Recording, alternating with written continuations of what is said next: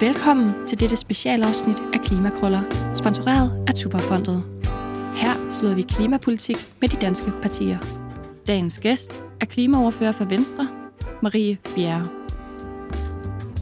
Jamen, øh, Jacob, vi er på borgen igen til, øh, til en endnu episode, og, og velkommen til programmet, Marie Bjerre. Mange tak. Øh, hvad er de vigtigste ting i Venstres klimaplan? De vigtigste ting, det er, at vi først og fremmest øh, får, øh, får nået de klimamål, vi har sat. Altså, at vi når vores 70% målsætning. At, øh, at vi får vist, at der er en vej for at blive klimaneutrale i 2050. Øh, jeg synes ofte, at politikere kan være meget gode til at tale om målsætninger og nye planer for planernes skyld.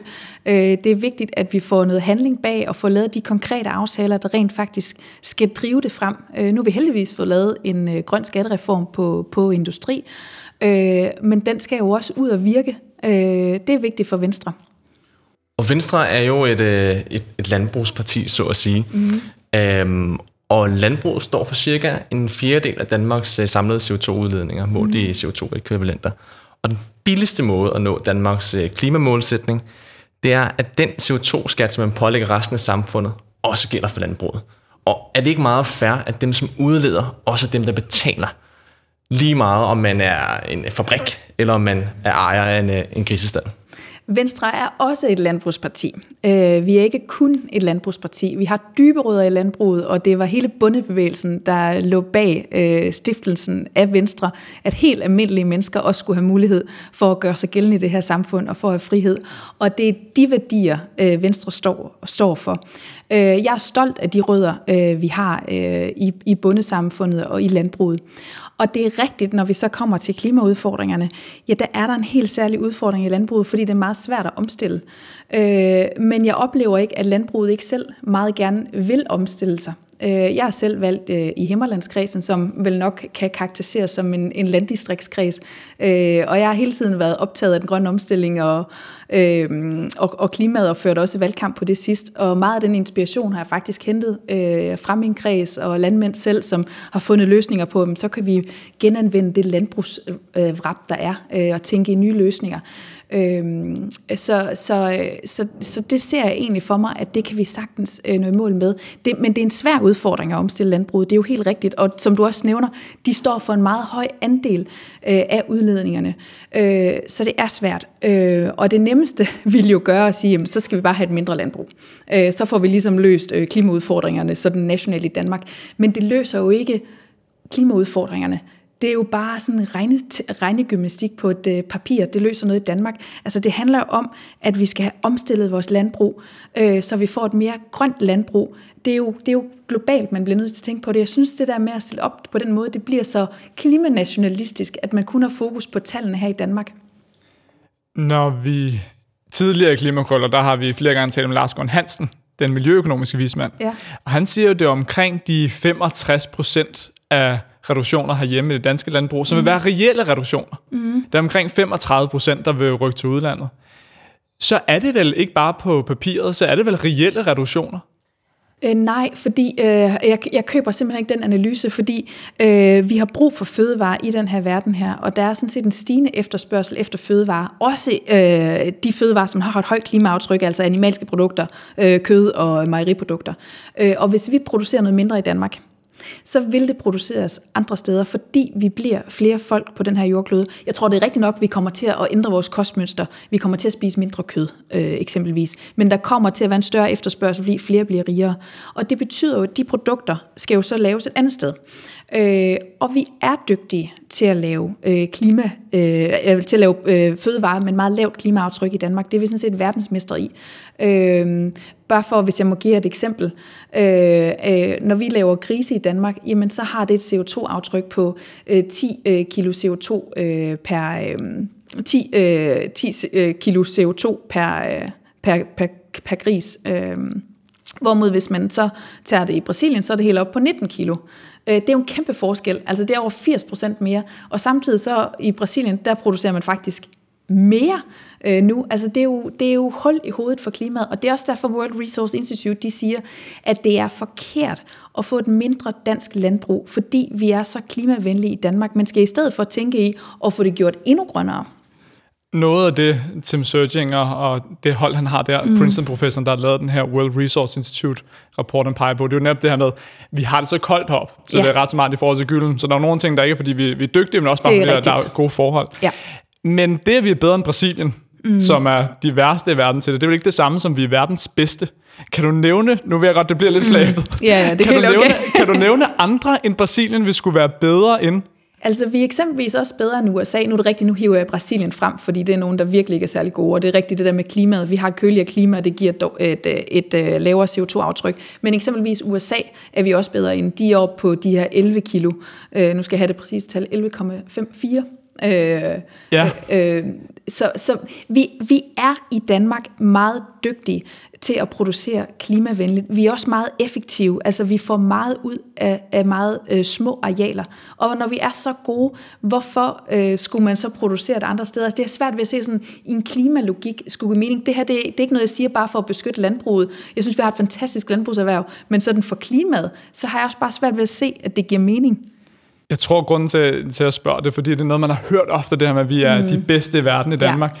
Og hvis man ser på eksempelvis svinekød, som du selv tager op der, og mm. man går ind i World Resource Institute-rapporten, som, som du og også i virkeligheden over Socialdemokratiet, der peget meget på en rapport, ja. som bevis for, at vi er de bedste, så siger den bare, at vi er ikke bedre end Holland, Tyskland, USA, England, Polen, Frankrig, Sverige. Vi er på samme niveau som dem. Og det er bare det, der gør, at man tænker, det er vel ikke det samme, som at kunne sige, at vi er verdens bedste. Det er, det er vi på en række parametre. Jeg skal ikke kunne sige, om vi er det lige ned på detaljen på alle parametre, øh, men jeg tror, det er helt fair at sige, øh, at vi er nogle af verdens bedste. Øh, og ja, det kan så også have noget med klimaet at gøre, at vi ligger, hvor vi gør, men det desto mere tilsiger jo egentlig bare, at der, hvor det er så godt at producere, der skal vi producere. Øh, at det giver ikke mening i vores del af verden, så at skulle producere noget mindre. Og også med de klimaforandringer, der er det jo sværere allerede kommer nu, altså hvor vi allerede nu ser, at der kommer ekstrem tørke, hedebølger, øh, og der er jo steder på jordkloden, hvor det er svært at dyrke afgrøder. Altså, øh, hvordan skal vi skaffe mad nok? Den sikreste måde at skaffe mad nok, det er jo at begynde at spise planterne, mm. i stedet for at fodre dem til dyr, hvor man kan miste 10-90% af kalorierne. I Danmark, der bruger vi 80% af de afgrøder, vi dyrker, dem giver vi til dyr. Mm. Og så går de og brænder nogle af kalorierne af, og så spiser vi dem bagefter. Det er jo virkelig ineffektivt, hvis det handler om at give verden mad nok. Mm. Hvorfor er det ikke, at vi bare skal producere planter herhjemme i Danmark? Jamen, det er fordi, jeg tror ikke på, at øh, hele verdens befolkning bliver øh, vegetar eller veganer. Øh, altså, jeg, jeg tror på, at vi bliver ved med øh, at spise kød, også fordi det er godt for vores sundhed og for vores kost.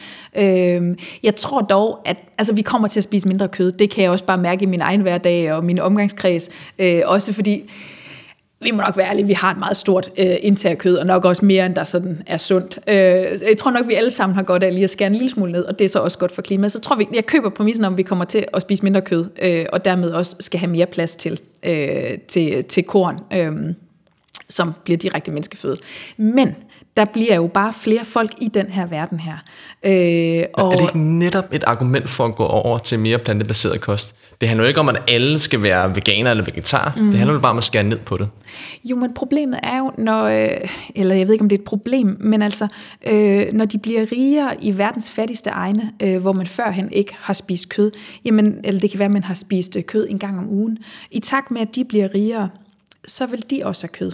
Og det kan være, at det ikke kun er én gang om ugen, og hvis man slet ikke får det nu. At, altså det er det, øh, World Resource Institute også siger, øh, og hele den efterspørgsel, vi kan se, den globale efterspørgsel på netop kødprodukter, stiger. Samtidig med, at vi hver især spiser lidt mindre kød i den vestlige del af verden, men det er jo fordi, at vi bliver flere folk på den her jordklode. Og hvis man prøver at se på Concito tidligere fremhævet, at Danish Crown eksempelvis har haft kampagner i Sydøstasien for mm. at spise Danish Crown. Danish Crown som navn refererer til det danske kongehus, den danske krone, og bruger det stærke danske brand, som vi jo investerer millioner og milliarder i at styrke. Mm. Så på den måde er vi jo også med til, når vi producerer kød i et mm. flot, grønt land som Danmark, så promoverer vi jo sådan set også kødforbrug. Er vi ikke selv med til at bidrage til, i langt fra den afgørende faktor, men vi bidrager til, at kød også er en del af fremtiden, hvor hvis vi sagde, hey, you know us, we're the best in the world, vi kører planter, vil I ikke også gerne det? Altså det er klart, at Danish Crown som, som virksomhed vil jo promovere deres produkt, lige så vel som en skobutik vil promovere, at det er godt at gå i deres sko. Øh, Men I kan jo sætte CO2-skatten op for dem, så det rent faktisk reflekterer det aftryk, deres produkter har. Og det var vi ikke helt med på i mm. forhold til CO2-skatten, vel? Øh, ja, altså jeg mener, at det giver god mening at have en regulering, også på landbruget, øh, hvor man måler på klimaaftrykket, øh, så det kan betale sig at producere en gris med et endnu lavere klimaaftryk. Altså de her 10 kilo, kunne vi nu få det ned på 9, kunne vi få ned på 8, kunne vi få endnu længere ned. Øh, kan det være, at det er nogle andre proteiner, man skal bruge i kosten? Kan det være, hvad er det, man skal gøre? Øh, dyrk det der. Det kan også, øh, skal vi kaste nogle flere penge efter forskning? Vi kan finde nogle flere løsninger. Det mener det er det rigtige værktøj. Og jeg tror, at hvis man får det ændret skattesystemet og tænkningen på den måde, så gør det jo også, at den enkelte landmand har et incitament til at producere grise med det laveste klimaaftryk. Og for min skyld måtte det gerne udbredes til hele verden, så Brasilien også kunne få banket deres klimaaftryk ned. Så får vi jo virkelig skabt nogle gode klimaløsninger. Hvis man prøver at se på de største fødevarerapporter, der er derude, så er det primært den store for World Resource Institute, den der ikke handler om Danmark, men handler om verden, og så er det Eat Lancet-rapporten. Eat Lancet-rapporten, det siger, at vi skal alle sammen spise kød på den niveau, der svarer til Nordafrika, Mellemøsten-agtigt.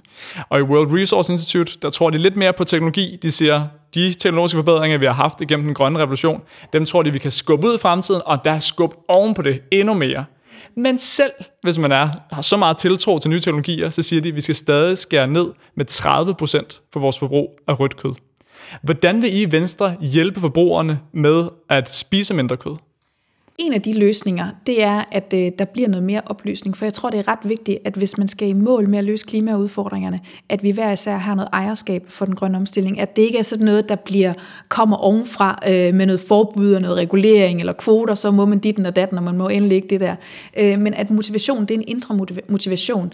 Øh, at man selv går op i at spise noget mindre kød eller noget mere klimavenligt. Øh, og derfor er det også en mærkesag for os at få et klimamærke på fødevarer. Øh, jeg tror, det var Concito, øh, der lavede sådan en analyse, det kan også være, det var en af de andre, der lavede en analyse af, hvor, hvor ved folk egentlig om klimaaftrykket. Også blandt unge mennesker. Og det var virkelig, det var i hvert fald for mig meget chokerende, hvor lidt folk egentlig ved om klimaaftrykket. Også det der med at spise øh, varer i sæson. Øh, og det, at man selv får den der viden, øh, det tror jeg, det kommer til at betyde, øh, det, det tror jeg har en kæmpe virkning.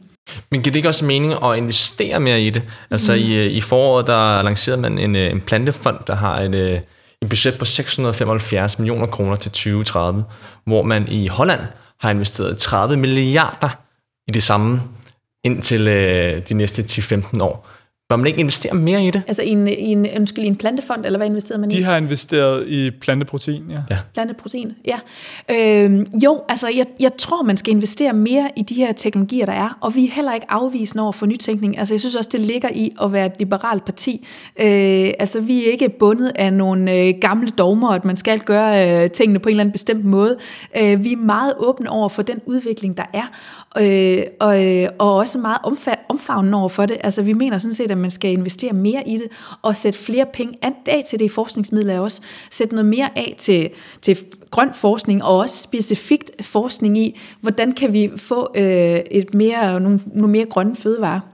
Så helt sikkert, det er en politik for vores, for vores side. Så når jeg tænker, at forbrugerne skal oplyses til at kunne, kunne vælge det rigtige. Hvad så, når Danish Crown eksempelvis har kørt med klimakontrolleret gris, og den nu er i landsretten for at se, om det er brud på markedsføringsloven eller ej? Hvad hvis nu kommer ud og siger, landsretten siger, det var helt i orden, helt cool, I sagde det, også selvom en del forbrugere nok har tænkt, klimakontrolleret gris, den er sikkert super fin at spise, den køber jeg. Vil I så stramme markedsføringslovgivningen? Øh, åh, det er nok svært at svare på, før man lige har set præmisserne for den der domsafgivelse, og hvad det er, der er i vejen. Altså, øh, det er vigtigt, at vi kommer alt det her greenwashing til livs. Øh, det har, mit indtryk er, at det er der rigtig, rigtig meget af. Også med verdensmålene, så siger man, at man lever op til verdensmålene, og så plukker man et par verdensmål ud, man ikke er særlig... Øh, men det er man så god til, man fokuserer ikke på det, man er dårlig til. Øh, så alt det der, det skal vi til livs. Øh, og, og det bliver da spændende at se den afgørelse, øh, hvad den er, om man, om man kan gøre noget mere. En af de måder, jeg tror, man kan komme det her til til livs på, det er ved at have en mærkningsordning, øh, hvor at, øh, at der er en ens regnemetode for, hvordan måler vi det her, fordi det er jo det, der er virksomhedens store problem, det er, at man ved ikke, hvordan man måler det, og så begynder man at lave sin egen redegørelse eller sin egen måling, og der er vidt forskellige målmetoder. Der er ikke noget sammenligneligt grundlag, og det tror jeg, det vil kunne gøre en forskel. Nu talte vi før om CO2-afgift i forhold til landbruget. Øh, og der er noget af jeres argument jo det her med, når man, hvis vi ikke producerer herhjemme, så bliver det produceret et andet sted i stedet for. Når det gælder Aalborg Portland, så fik de jo en skatterabat i den såkaldte grønne skattereform her fra, fra i sommer på omkring en halv milliard kroner. Når det gælder Aalborg Portland, de er jo faktisk ikke de bedste i verden. Der kan man i Schweiz producere cement med den halve udledning. Burde vi ikke, hvis vi vil det bedste for verden, gå ind for en 100% lækage til Schweiz? Hvorfor er det, at vi skal producere cement herhjemme, hvis vi ikke engang er de bedste? Ja, altså først og fremmest så tror jeg ikke, de kalder det en rabat, fordi de får sådan set en ekstra afgift på 100 kroner i stedet for 350 kroner. Jeg tror ikke, de ser det som, som en rabat, øh, for de får trods alt også en CO2-afgift. Jeg er med på, den afgift der er mindre end andre virksomheder får. Øh, og det med, øh, at de ikke skulle producere det grønneste cement, øh, altså øh, det er der nok to parter i. Øh, de siger jo selv, at det kan man ikke sammenligne, fordi det er et andet produkt, de har. Øh, hvad der er op og ned i den sag, det har jeg svært ved at gøre mig klog på. Øh, men jeg kan i hvert fald se, at det som Skattekommissionen, de jo kom med i deres øh, ekspertanbefalinger, det var jo faktisk, at man satte en lidt lavere afgift øh, på netop Aalborg Portland, fordi ellers ville det betyde øh, for meget lækage. Øh, og det er noget, der er afgørende for vores politik, jamen det er, at vi får den reelle omstilling i Danmark. Fordi hvis ikke vi kan vise, at vi kan omstille det, der er svært, det der, også, det, der udleder meget CO2, altså det er jo landbruget, og det er den tunge industri, det er på Portland. Hvis ikke vi kan vise, at vi også her i landet kan omstille det, så er vi ikke et grønt forgangsland. Hvis vi bare rykker det til Schweiz, øh, hvor jeg ved ikke, om det er rigtigt, at de har et lavere CO2-aftryk, men så har vi jo ikke været et grønt forgangsland så er det Schweiz, der er et grønt forgangsland. Vi skal jo vise, at vi også kan finde ud af at omstille Aalborg Portland, og de også kan få et lavere klimaaftryk. Men betyder det, at vi skal være verdens bedste til alt? Er det ikke ret fint, at vi er verdens bedste til det, vi i forvejen er gode til? Og så kan der jo nogle andre lande, der viser vejen inden for andre områder. Ellers var vi frygteligt travlt, gør vi ikke? ja, vi er nok ikke verdensmester til alt øh, allerede, men, men jeg, jeg, ser, øh, jeg, jeg, jeg ser en rigtig god politik i, at vi er forgangsland, grønt forgangsland, og at vi sørger for at få skabt et system, hvor man kan producere mere grønt altså de industrier, vi allerede har, og det landbrug, vi allerede har, hvordan kan vi få gjort, så de får nogle vilkår, hvor der er et incitament til at tænke endnu mere grønt, for det betyder jo også, at de kommer på forkant. Øh, der er jo desværre øh, stor del af verden, som ikke går lige så meget op i klimaet, som vi gør. Men det kommer de til. Øh, og der vil det give mening, at vi har været first movers på alle de områder, vi nu kan være. For det er en kæmpe konkurrencefordel for de virksomheder. Det vil være en kæmpe konkurrencefordel også for landbruget. En ting, vi ofte har undret os over i klimakrøller, det har været det her med, at vi har brug for altså 80.000, 90.000 arbejdspladser som en del af den grønne omstilling, og vi mangler virkelig arbejdskraft. Og alligevel så insisterer vi på at holde fast i Aalborg Portland eksempelvis skal være en virksomhed hjemme, når det kan gøres mere effektivt andre steder. Hvorfor ser man ikke en mulighed og siger, fedt, der kan vi frigøre en masse arbejdskraft, og de kan selvfølgelig ikke gå direkte fra Aalborg Portland ud og være elektrikere, men på 30 dage, så kan de få et kabelførerkursus, og så de fører kabler, og så kan du spare elektrikerne for at gøre det, og så kan det bidrage til den grønne omstilling. Nu er der jo faktisk ikke engang så mange mennesker på uh, Aalborg Portland, selvom det har kæmpe klimaaftryk. Er det 250 eller 350 medarbejdere? Ja, vi plejer også jeg, at tænke, vi plejer at tælle landbruget med som en del Nå, af det, hvor vi godt kunne, kunne finde noget arbejdskraft. Ja, ja. Øh, jamen, øh, argumentet fra min side er det jo er det samme igen. Altså, hvis man bare øh, lukker de virksomheder ned, der har et stort CO2-aftryk, øh, ja, så ser det rigtig godt ud på vores regnskab, men så har vi jo ikke vist, at vi kan omstille det, der er svært. Hvor finder I så arbejdskraften til den grønne omstilling hen? Det er en helt anden udfordring, øh, og det er en kæmpe udfordring. Øh, der tror jeg, vi bliver nødt til at gå ind og kigge på vores øh, uddannelsessystem. Øh, der er alt for få, der vælger en erhvervsfaglig uddannelse. Øh, så der bliver man nødt til, og der er for få, der søger, og der er for meget frafald. Øh, vi mener, at vi skal prioritere vores erhvervsuddannelser økonomisk, få skabt nogle bedre faciliteter, få det gjort endnu mere attraktivt at have en erhvervsfaglig baggrund. Og det ser egentlig heller ikke nogen, altså det bør man også kunne gøre, fordi hvis man kigger på de mennesker, der er succesfulde i det her land, så er det jo typisk folk med en erhvervsfaglig baggrund, der har øh, startet egen virksomheder, der har tjent masser af penge til sig selv og til landet og gjort en forskel. Det skal vi være meget bedre til at få i talsat. Som det sidste spørgsmål, inden vi runder af her. Hvis ja. man sidder derude i landet og tænker, uh, det sgu ikke så godt med klimaet, og det er virkelig det, man, man stemmer for. Mm. Hvorfor skal man så stemme på Venstre? Man skal stemme på Venstre, øh, fordi at vi har en politik, der leverer noget reel handling på klimadagsordenen. Vi går mindst lige så meget op i den grønne omstilling som øh, alle andre partier. Øh, for os er det en frihedsdagsorden. For os der handler det om, at kommende generationer, de også skal have de muligheder, vi har. Og det har man ikke, hvis vi ser over for de her massive klimaforandringer. Så derfor her, at det her det er øh, kardinalpunkt for os at få gjort noget ved. Øh, og der vores tænkning øh, spiller rigtig godt ind i at få skabt nogle reelle løsninger. Altså vi tror på markedet, vi tror på, at man skal se virksomheder som medspillere i stedet for modspillere. Jeg har tit indtryk af, at øh, venstrefløjen de øh, ser virksomheder som modspillere i den grønne dagsorden. Vi ser dem som medspillere, og det er derfor, vi kan føre en klimapolitik, der er langt mere effektivt. Og, øh, og så vil jeg også nævne, at vi har internationalt udsyn i Venstre. Øh, vi tror på, at vi skal samarbejde omkring klimaudfordringerne, øh, og, og vi vil ikke have, at man bare kigger isoleret set på det. Jeg synes tit, at når man hører på venstrefløjen, så bliver det sådan noget klimanationalisme. Og det sidste, jeg vil nævne, det er, at vi har en villighed til at investere. Øh, vi mener ikke, at den offentlige sektor øh, skal blive ved med at vokse og vokse og vokse og blive større. Og det er også derfor, vi siger, at når vi har et råderum, så skal det gå til den grønne omstilling. Det siger venstrefløjen heller ikke. Så derfor skal man stemme på Venstre, hvis man vil have reel klimahandling. Mange tak for svaret. Vi vil tak. sige tak for din tid. Det var fremragende.